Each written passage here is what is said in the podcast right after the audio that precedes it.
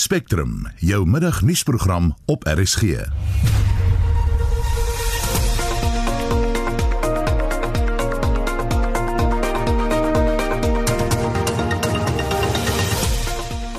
In die program die BBC in Brittanje onthul menseregte vergrype wat die Chinese owerhede na bewering teen die Moslem Uyghur gemeenskap pleeg. They were three men, not one, but three. They did whatever evil their mind could think of. Maar 'n kenner sê die beweringe word dalk oordryf. En adjunk hoofregter Raymond Zondo se voorneme om oud-president Jacob Zuma strafregtelik aan te kla word verwelkom. And we also welcome the fact that uh, he is set to he received summons in respect of attendance in later on in, in February. Clearly, he has questions to answer, and he is not above the law, and he must comply with the law. Goeiemiddag, ek is Susan Paxton. Dis nou 9 minute oor 1 jy luister na Spectrum en ek sien Marita Brand daar by Vryburg of van Vryburg laat weet dat die pad tussen Vryburg en Kuruman is gesluit. Die pad het op verskeie plekke weggespoel na die swaar reën daar. So as jy in daardie gebied is, maak seker dat die pad toeganklik is as jy iewers heen moet ry. Adjunkhoofregter Raymond Zondo het laat gisteraand 'n verklaring vrygestel waarin hy sê strafregtelike aanklagte is uh, oud-president Jacob Zuma se voorland indien hy nie voor die staatskapingskommissie verskyn nie. Zuma het vroeër gesê hy sal eerder tronk toe gaan as om voor die kommissie wat hy self gestig het te verskyn. Ons praat nou met Dian Oosthuizen, 'n prokureur by Ulrich Roo en Vennote wat spesialiseer in strafreg. Goeiemôre Dian. Goeiemôre Suzanne, gaan dit? Dit gaan met my goed, maar kan jy in eenvoudige wyse aan ons verduidelik watter regstappe Zondo nou oorweeg teen Zuma? Ja, jy weet voor ek jou vraag beantwoord, wil ek net vir laat weet die die basiese prinsip van 'n hofbevel is dat 'n hofbevel nagekom moet word in ons reg. Dit maak nie saak hoe jy voel oor die bevel nie. Indien jy nie saamstem met die hofbevel wat gemaak is nie, kan jy 'n aansoek bring om die hofbevel tersyde te stel. Voordat jy nie so aansoek gebring het nie, moet daardie bevel nagekom word. So in die geval van meneer Zuma is dit die konstitusionele hof wat hierdie bevel gemaak het. Ehm um, en soos julle weet is dit die hoogste hof in Suid-Afrika. So daar's nie 'n hoër hof om na toe te appeleer nie en daarom maak hy die bewering dat hy nou nie die bevel nagaan kom nie. So die stappe wat uh, adjunk regter Zondo kan oorweeg indien meneer Zuma nie verskyn op die 14de Februarie nie, is die volgende. Hy kan Hooggeregshof aansoek bring en die hof vra om 'n bevel te maak dat meneer Zuma in minagting is van die hofbevel. Indien die hof uh, besluit dat meneer Zuma in minagting is van die uh, van die uh, hofbevel, kan hy either skuldig bevind word op 'n uh, boete of hy kan tot 3 tot 6 maande tronkstraf hê. Ehm um, in terme van die kommissiewet kan meneer Zuma ook strafregtelik aangekla word vir minagting van so 'n hofbevel. So kom dit vermoontlik om dit te doen. So in terme van die kommissiewet en in die uh, artikel 6 gee dit die kommissie dieselfde reg as as die as die howe. So dit bepaal dat indien 'n dagvaarding uitgereik word of 'n subpoena uitgereik word deur die kommissie, ehm um, is dit presies dieselfde as wat die hof dit doen. So indien jy nie daai dagvaarding en daai subpoena nakom nie, is jy dan wel in minagting van die van die hofbevel. Zuma se verweer is dat daar inbraak gemaak word op sy grondwetlike regte. Is dit waar? Kyk, die konstitusionele hof het al reeds 'n bevinding hieroor gemaak. Ehm um, en hulle het al beslis dat meneer Zuma moet getuig op die 14de Februarie en dat hy die vrae moet beantwoord. So in terme van die konstitusionele hof se beslissing is dit duidelik dat hulle voel dit nie 'n inbreuk maak op sy grondwetlike regte nie. Is daar enige van Zuma se verweere wat wel, jy weet, grondig is? Uh, op hierdie oomblik is daar geen van hierdie verweere wat gronde vind nie. Soos ek sê, jy weet as die konstitusionele hof bevind dat jy 'n beslissing moet maak, jy kan nêrens anders ter appeleer nie. So ongelukkig gaan jy nou daardie daardie beslis uh, hofbevel moet nakom. Baie dankie. Dit was Dian Oosthuizen, prokureur by Ulrich Roo en Vennote. Die organisasie Save SA en Business Unity SA het die Zondo-kommissie van ondersoek na staatskaping se besluit om strafregtelike klagtes teen oud-president Jacob Zuma aan te stel verwelkom. Die sameroeper van Save SA en voorsitter van Business Unity SA, Sipho Pitjana, sê Zuma het eintlik geen keuse as om te gaan getuig nie. Well, as Business Unity South Africa, we welcome the steps taken by the Commission to lay criminal charges in respect of former President Zuma's failure to attend the commission sitting in January.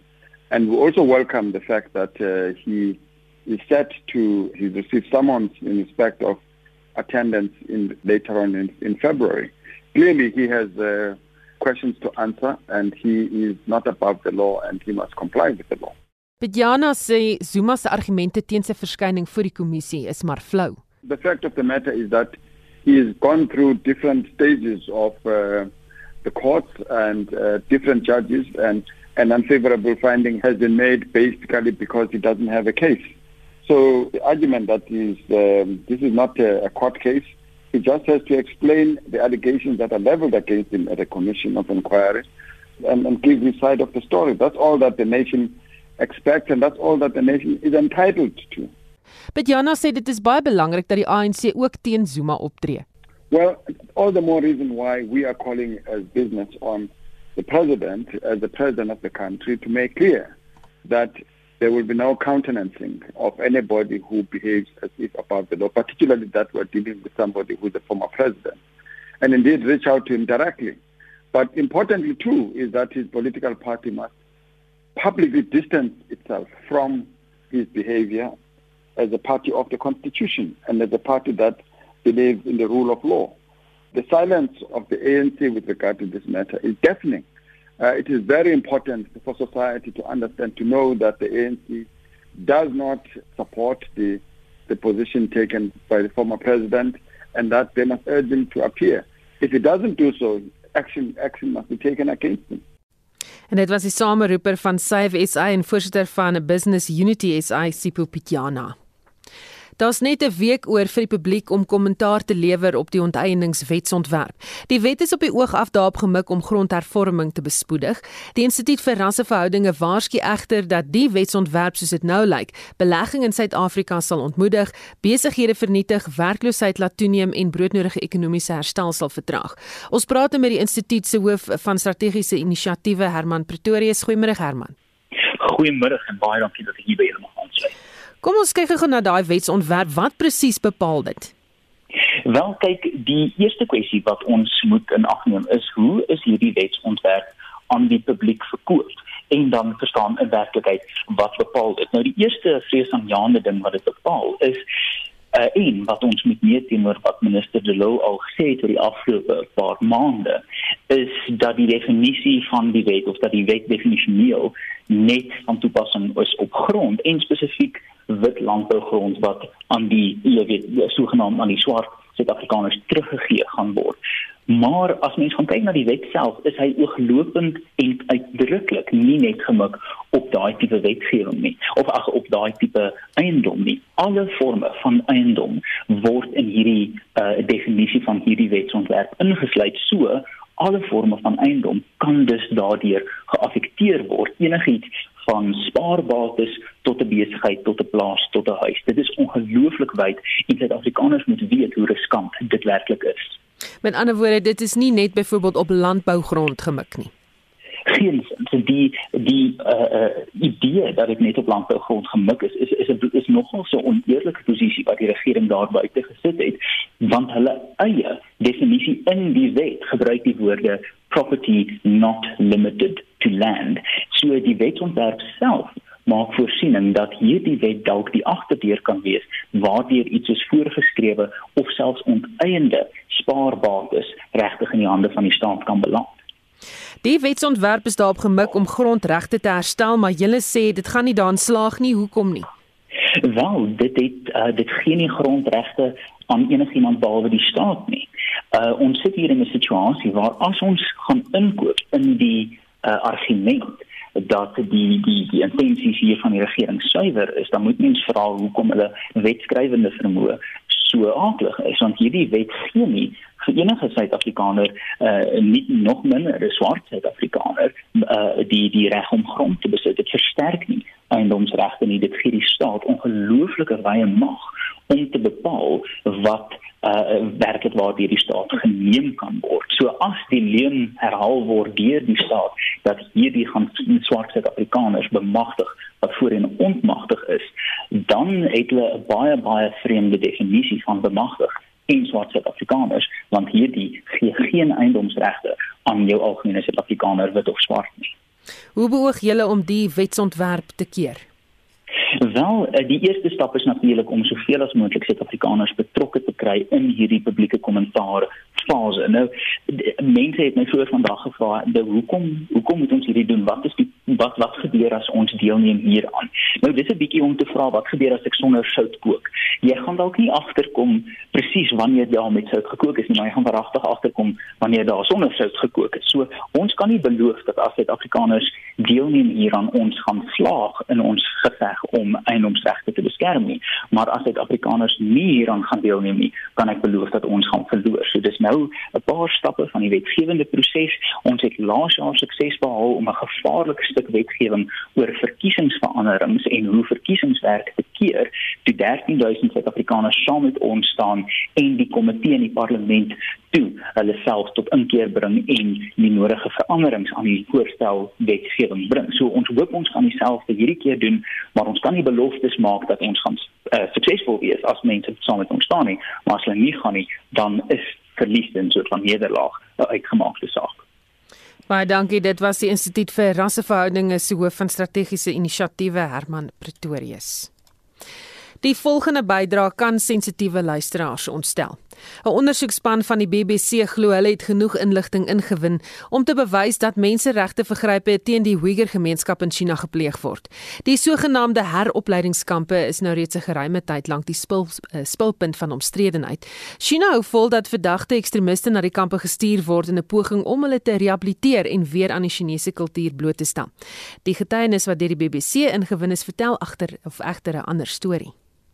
Turgenays Jawooden het aan die BBC-korrespondent Matthew Hill gesê sy het 'n kamer met 30 ander vroue gedeel. Hulle het nie toilette gehad nie en moes 'n emmer deel. Sy getuig van 'n voorval waar drie gemaskerde mans een aand na middernag besoek afgelê het. They were three men. Not one, but three. They did whatever evil their mind could think of. And they didn't spare any part of my body, biting it to the extent that it was disgusting to look at.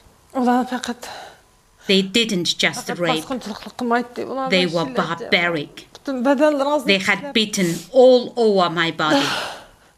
Sy is nou onder Amerika se beskerming van waar sy ontstellende ervaring openlik deel. Amerika hou vol, daar is 'n miljoen Uyghurs in die kampe en media toegang is byna onmoontlik. Die BBC het met 'n voormalige wag gepraat wat in die kamp gewerk het. Sy stem is vermom om sy identiteit te beskerm. Hy's gou die eerste wat uitpraat. Those who were taken inside were locked in a cell which held 8 to 16 inmates. There were cameras watching them all the time, and there were books about Xi Jinping. They have to study the book and memorize them in Chinese. If they fell, The punishment was severe. Hiel berig verder dat verskeie vroue na Turkye gevlug het om veiligheid daar te soek. Gulzira Kazak is een van hulle. Sy sê sy is gedwing om deel te neem aan die wagte se gruweldade. I worked 6 months as a cleaning worker for the women.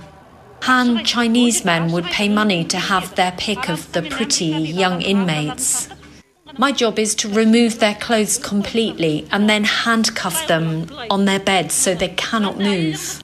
Wat die verkrachtings betref, sê Hill dis onduidelik of dit goedgekeur word. We can't say if the rape is approved by the camp commanders or even by those more senior, but the accounts of the many women I've spoken to include gang rape in public and are similar in brutality. Die Chinese regering het intussen 'n verklaring vrygestel waarin beklemtoon word dat die kampe opleiding bied om ekstremiste en terreur hok te slaan. Die aantuigings van verkrachting en marteling word nie direk by die horings gepak in die verklaring nie, maar die regering noem tog dat hy waarde heg aan die beskerming van vroue se regte. Die klank en inhoud van hierdie bydrae is afkomstig van die BBC. Marlene Forsie, SAK nuus. Ons bly by die storie en vir sy mening hieroor praat ons met 'n voormalige ambassadeur Gert Grobler. Hy het voor die pandemie minstens 'n jaar lank in China gewoon waar hy doseer in internasionale betrekkinge aan die Xinjiang Universiteit suid van Shanghai. Um, Goeiemôre Gert. Middag Susan. Ja, die bydrae gehoor, wat is jou eerste indrukke? Ja, verstaan hierdie aantuigings kom nou al oor 'n baie lang lang tyd. Dit het natuurlik nou onlangs verskerp uh toe Trump en uh en Pompeo beweer dat daar is genocide of terwyl massamoord in in in China. Nou hierdie is deel van 'n westers geïnspireerde veldtog met die FSA aan die voorpunt en dit het natuurlik veral in die Trump Pompeo era dit dit die hoogte ingeskiet. Nou weet uh, wat gebeur het nou Biden het nou ook hierdie goed aan boord geneem. En dis deel van hierdie verwoede mensensiens 'n uh, onproduktiewe en 'n sinnelose aanslag van die FSA teen China op elke moontlike wyse en hulle te diskrediteer maar wat ek net sê dat van van meta wil ek sê my eie indruk en aanvoeling gebaseer op my 18 maande in China is dat die aantuigings van massamoord, verkrachtings sistemiese verkrachtings mynsiens hoogs onwaarskynlik is.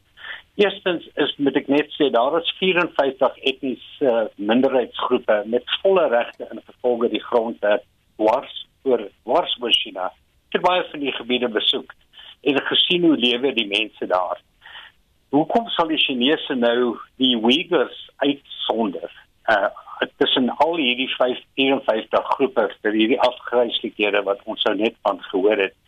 Daar's net nog my ander punt wat ek wil byvoeg is hierdie goed dat dreis reëlreg in teen die Chinese volk se hele sige en ook hulle lewensuitkyk wat wat baie swaar is op konfusianisme op op die etiese waarde van Confucius. Dis goed soos geregtigheid regverdigheid, integriteit en ek ek kan werklik nie op my basis gebaseer op my ondervinding kan ek nie sien dat dat hierdie massamoord die verkrachtings plaasvind in in in 'n land uh, jy weet wat wat ek, ek nou regtig goed leer ken dit nie. Dan die Chinese regering sê die kampe dien as teenvoeter vir terreur. Hoekom sou dit nodig wees? China jy weet uh, hierdie provinsie Xinjiang provinsie het 'n lang geskiedenis van van terreur en en dis iets wat die weste nooit eintlik op uh op konsentreer nie. Daar is talle aanvalle geloods deur ekstreme moslimgroepe in die Xinjiang uh, provinsie. Uh wat op daarop gerig is om soort van afstigting van van van hierdie provinsie van China te bewerkstellig.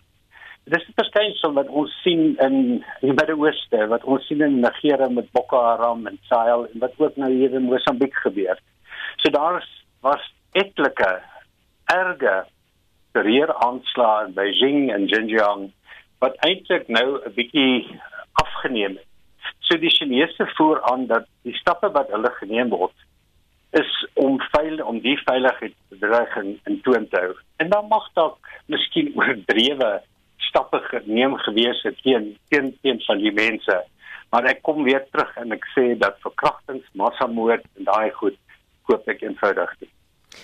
Baie dankie. Dit was 'n voormalige ambassadeur wat vir minstens 'n jaar lank in China gewoon het, Gert Grobler.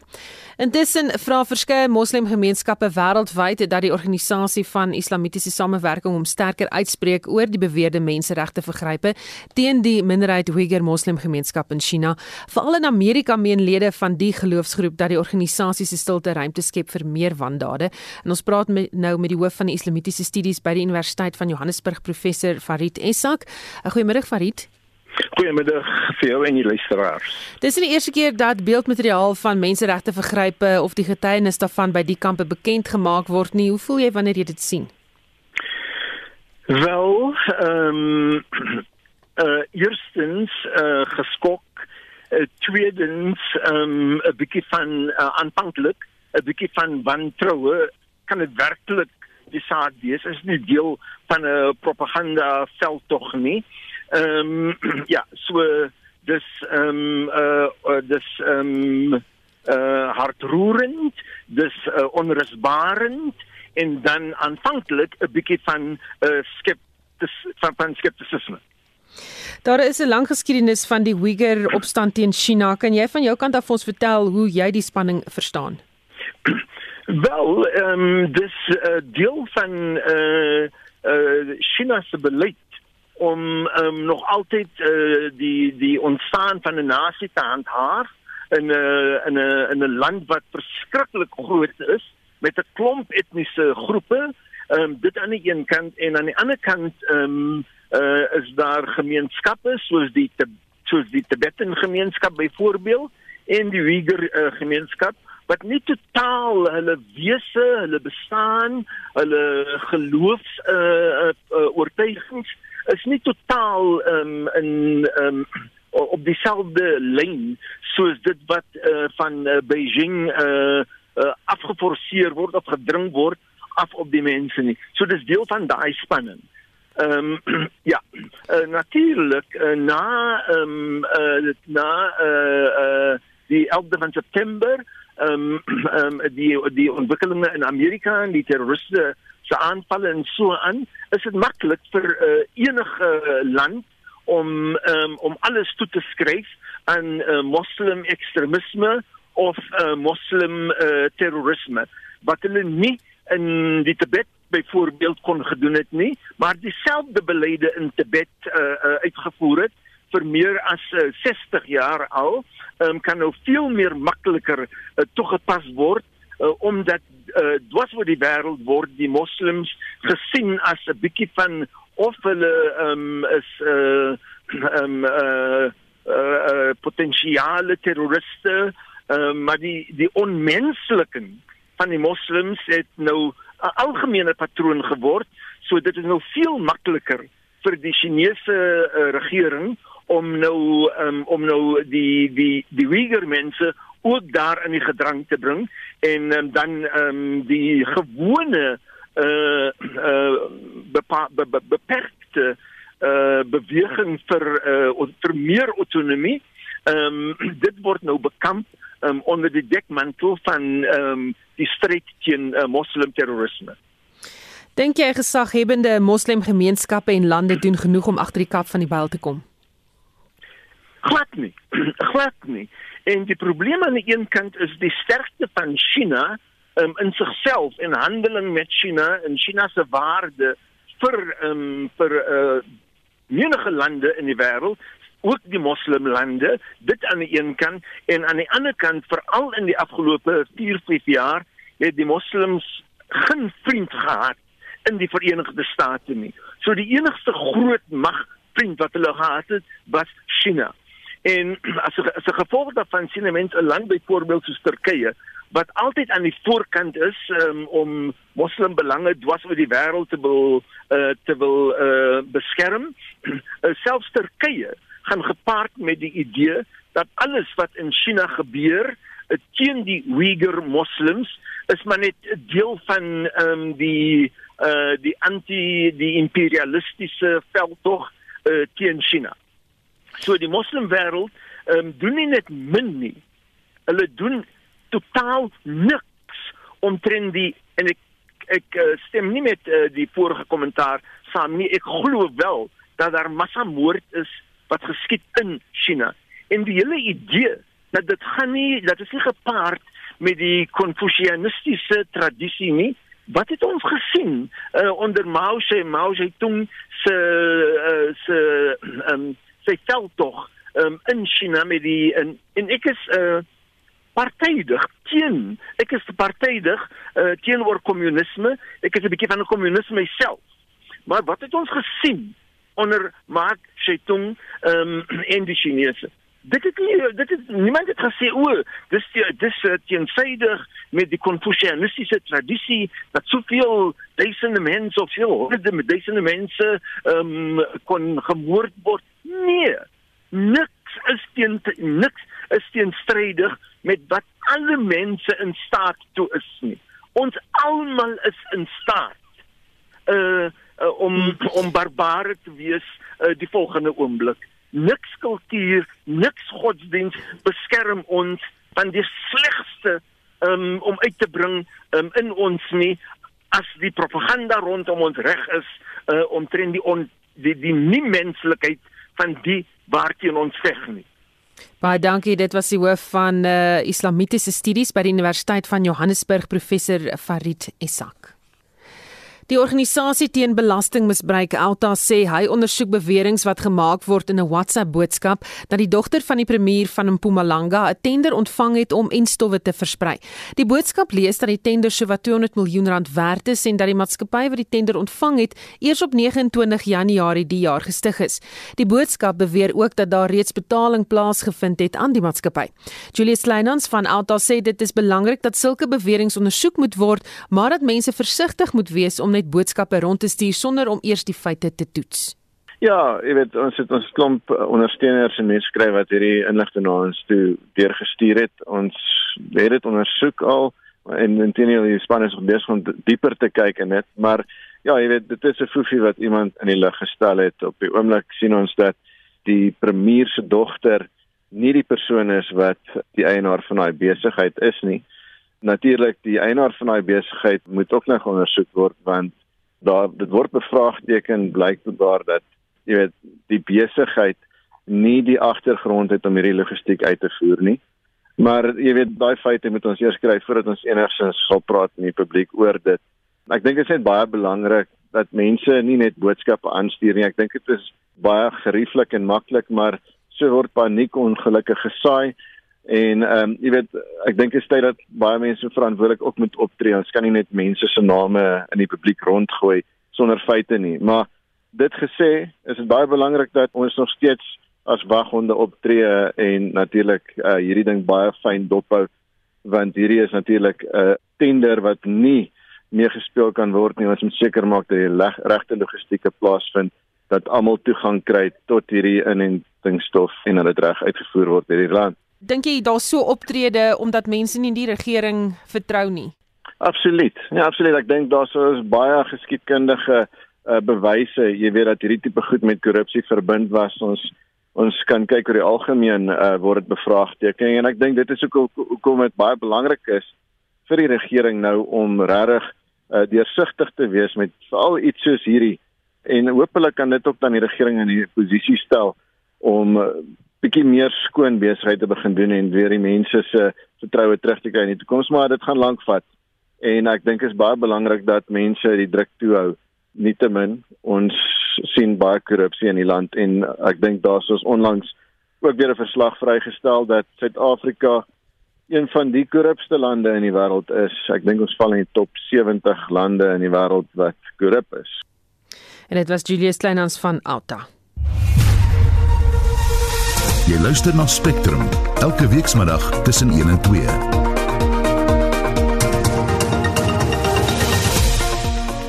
En die nuutste organisasie Save SA en Business Unity SA het die Sonderkommissie van ondersoek na staatskaping se besluit om strafregtelike klagtes teen oud-president Jacob Zuma aan te stel verwelkom.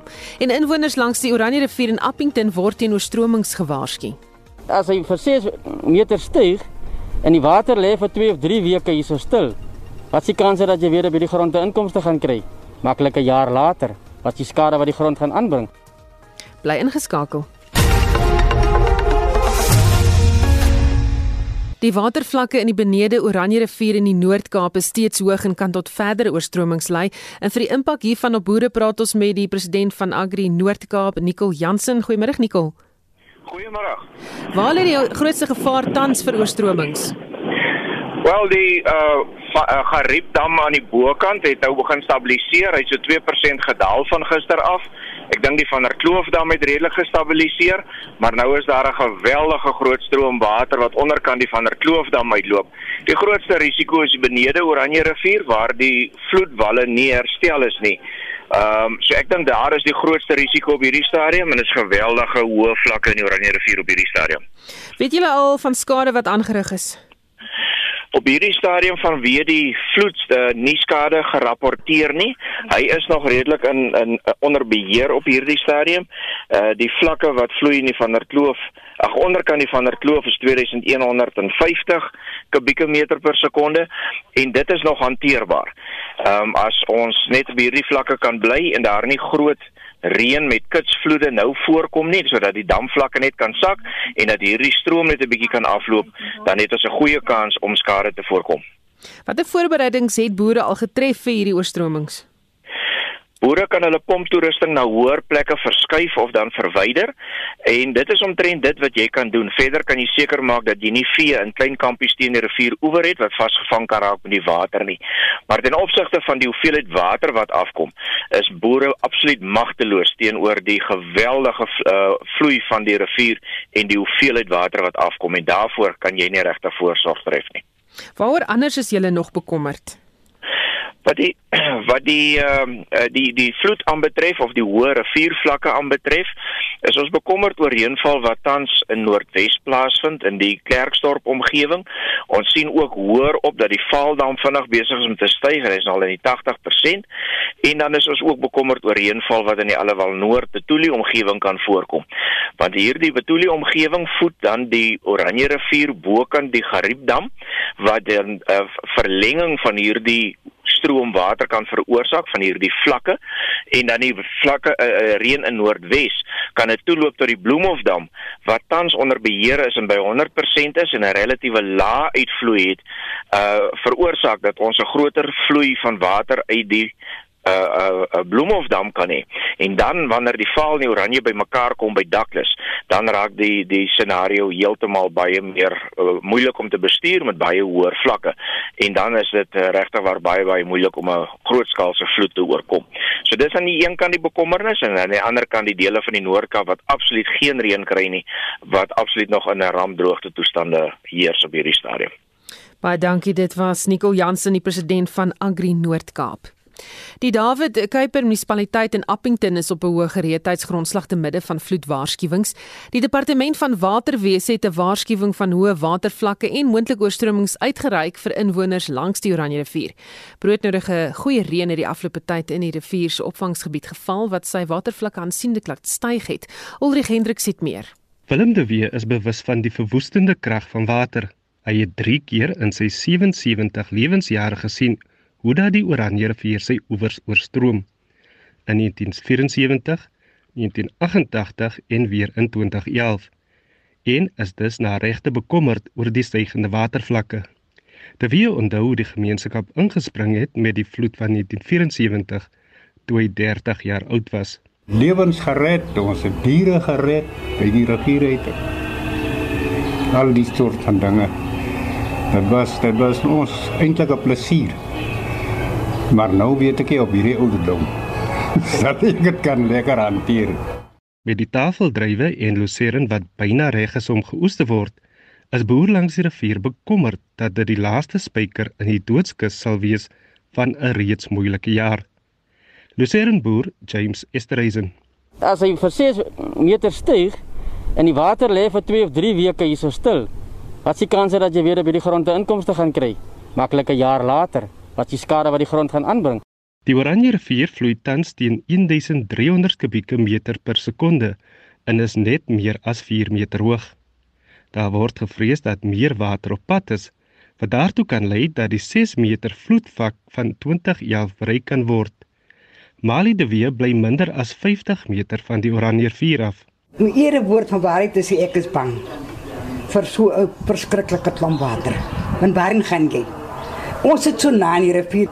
Die David Kruiper munisipaliteit by monde van sy woordvoerder Patrick Williams sê hulle is gereed vir enigiets. As die watervlakke gaan styg, sal ons die moontlikheid om mense te verskuif na veilige plekke toe. Ons het ook uh sale in die gemeenskappe waar ons mense kan tydelik huisves indien daar huisvesting tydelike huisvesting nodig is. Die departement van waterwese het gevra dat inwoners langs die rivier waaksaam moet wees en hulle kuddes en nie vaste eiendom na veiligheid neem. Ulrich Hendriks SAK-nuus, Appington, Noord-Kaap. Onthou dat al die water die geografies waterval ook sal bereik die naweek en jy kan gaan kyk na die waterval. Hy is oop vir dagbesoekers. Jy moet slegs bespreek as jy daar wil oornag. Die Suid-Afrikaanse Nasionale Weerdiens voorspel dat die reënweer wat tans oor groot gedeeltes van die land heers nog vir 'n wyle gaan voortduur. 'n Weervoorspeller van die Weerdiens, Brancy Bulo, verduidelik die reën veroorsaak of dat die reën veroorsaak word deur baie vog in die lug.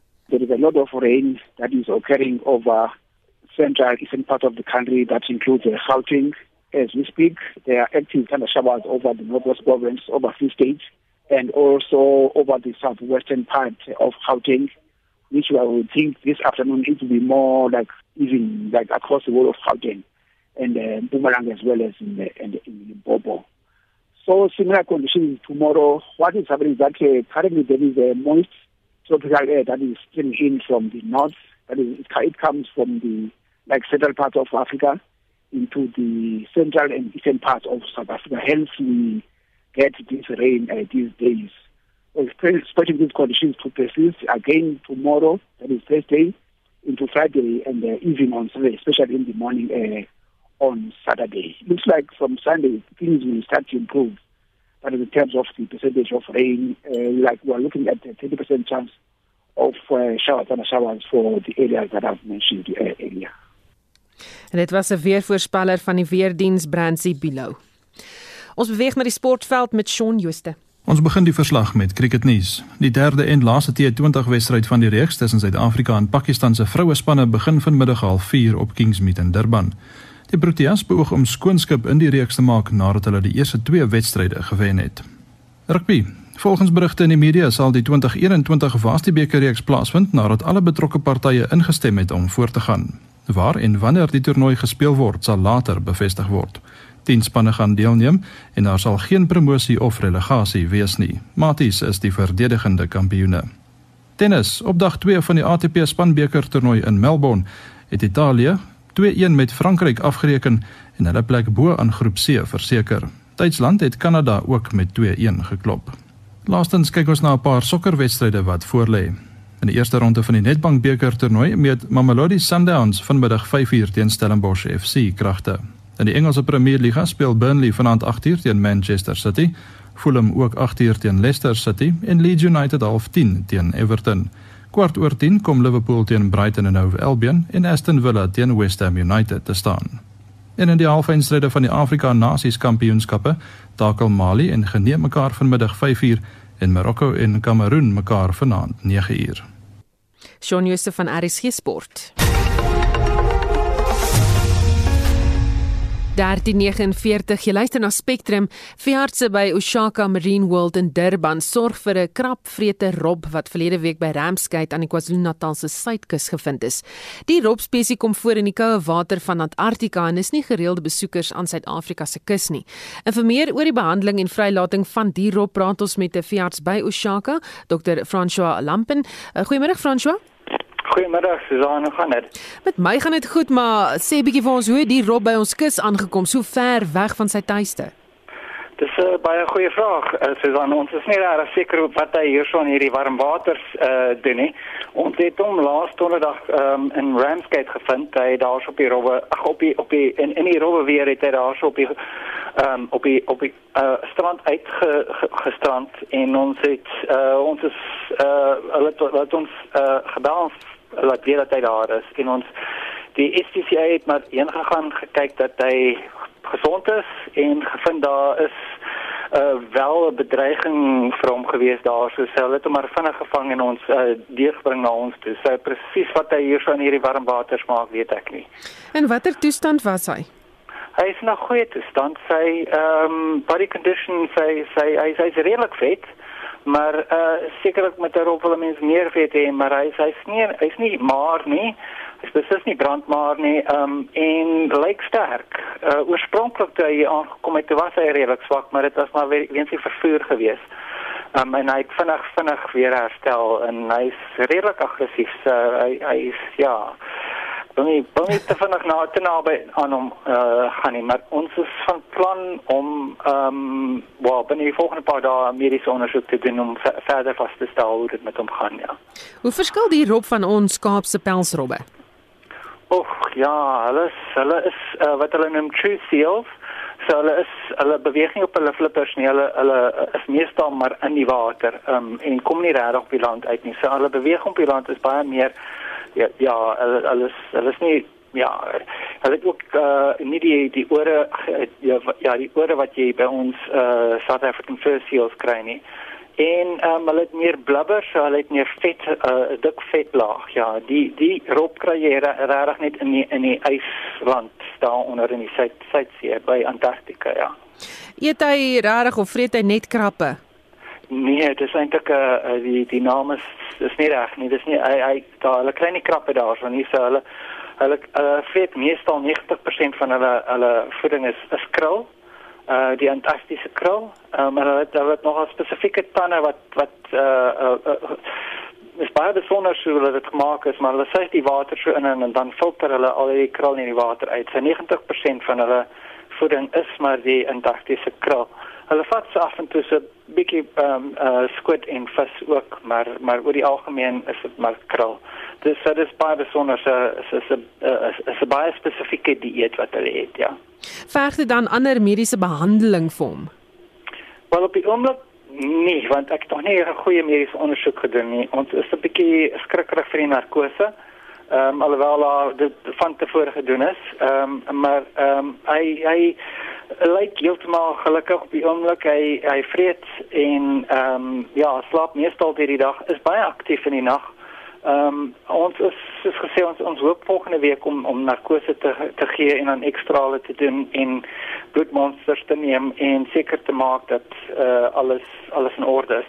Hulle het uh, ons ons ons het gekyk na geskiedenis ons het vasgestel dat in die verlede was daar ehm um, effens is daar van hulle oorlede wat uh, in rehabilitasie was en, en hulle het sand impaksie gehad. So hulle het maar hulle was maar maar gewees en hulle het hulle baie water gesuig en dan het hulle baie sand in die see sand in hulle ma ingekry. So ons is bekommerd daaroor, maar maar op die oomblik lyk dit asof dit goed gaan met hom, ja.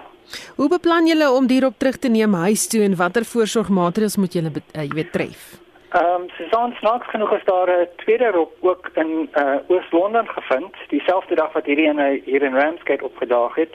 En hierdie ene word nou die tweede ene is in in Port Elizabeth in die Bay World Aquarium word hy word hy aangehou. So ons is van plan om al twee van hulle vry te laat en hierdie ene wil ons graag afvlieg na Port Elizabeth. Uh so vinnig as moontlik. Uh ja, ek meen is te warm hier so in Durban. Hmm. En ehm um, dan is hulle van plan Port Elizabeth is hulle van plan om met 'n boot uit te gaan, verder suid uit te gaan, so ver as wat hulle kan om die twee robbe daar vry te laat ons hoop natuurlik as ons die as ons die uh ehm um, uh, finansies het om al twee van hulle met 'n satellietsendertjie ehm um, uh, uh 'n satellietsender op hulle te sit sodat mense kan sien waar hulle heen swem as hulle eers vrygelaat word sodat mense ook kan vasstel wat wat hulle bewegings is en wat hulle hier gedoen het ja. Hm. Hoe ver suid moet jy gaan? Och ja, ek weet nie ek ek dink ek sit ek, ek, sê skat ek het regtig nie 'n idee nie maar uh, Continental Shelf as nie verder nie so 50 60 km sekerlik verder suid ja. Ehm um, uh, die spesialiste daar sou weet die beste. Ek meen ons het ons het in Oshaka het ons uh, so 5 jaar gelede het ons uh, die uh, elephant seal hier gehad en ons het hom ook so 50 km suid van Port Elizabeth vrygelaat en hy het, hy het vinnig suid geswem daar so Baie interessant. Baie dankie. Dit was Dr. Fransha Lampen, 'n veearts by Ushaka Marine World in Durban. Die Suid-Afrikaanse Nasionale Christelike Forum gaan steeds voort met sy hofaansoek om die sluit van kerke tydens die Grendeltydperk te keer. Dit ten spyte van president Cyril Ramaphosa wat die bywoning van godsdienstbyeenkomste weer oopgestel het. Die president van die forum, biskop Marotti Mashashani, sê die organisasie het die dringende gedeelte van hulle aansoek laat vaar. you need to understand that the motion was filed long ago before the president decided to unban the gathering of the religious. But nevertheless, our motion, though now the, the, the churches are now opened, it's not only for the opening of churches, was also for the court to make a pronouncement and an order to declare that the regulation itself of closing the religious gathering was both irrational and unconstitutional. And it was as well inconsistent because it was choosing the type of gatherings and uh, allow other gatherings. Although we understand that the pandemic is not uh, discriminatory. It doesn't look at the purpose of gathering. If the, the gathering becomes a, a, spread, then it doesn't matter whether it's a casino or what. So for a government to give allowance to casinos and uh, other sectors, but only log the churches, that was irrational and inconsistent with their regulation. Mashashani sê die organisasie voel dat daar teen kerke gediskrimineer word met wetgewing soos dit nou is. Ours is to say hence the pandemic is not uh, discriminatory. All sectors need to be treated in the same way. And again, we are all equal before the law. So it cannot be right to say casinos and uh, cinemas, being the entertainment and the gambling, can be given a preference over a worship. A church is only gathering most of them once per week on a Sunday for a maximum period of at least two hours. But when we're talking about a casino, a gambling, the same people you are saying you're preventing them not to go to church, you are allowing them to go for a gambling, which is seven days per week, and it's uh, for the whole day. The same people that you are saying you are preventing to go to church, you allow them to go in a taxi where they are sitting shoulder to shoulder. Where is the, the social distancing? So in that regard, we are saying the religious sector need to be treated equally with other sectors and cannot be discriminated on saying religious sector is not contributing much on the GDP like other sectors. And finally, you need to understand that this is not just a test. The churches were allowed before to operate on the 50 people capacity and uh, they have proved themselves to be adherent to the regulations. We never had the government saying there is a in churches. We're only referring to the funerals. So what is then the rationality that led them to make a U-turn and close the churches even without consultation to that matter? Dit was die president van die uh, forum vir die Suid-Afrikaanse Nasionale Christelike Forum biskop Marotti Mashishane. Net 'n brokkie nuus vir ons groot Greyhound busdiens het pas op Twitter aangekondig dat Greyhound en Cityliner busdiens hulle werksamehede teen die 14de Februarie gaan staak, dit na 37 jaar in die bedryf. Greyhound het ook getweet dat mense wat reeds kaartjies bespreek het eh, vir na die 14de Februarie se geld teruggegee sal word. Die maatskappy het mense gevra om hulle te kontak hier oor voor die 31ste Maart 2021. Dit was Spectrum met waarnemende uitvoerder geseer en ook vandag se redakteur Hendrik Martin. Ons produksieregisseur is Lewanda Bekes. My naam is Susan Paxton.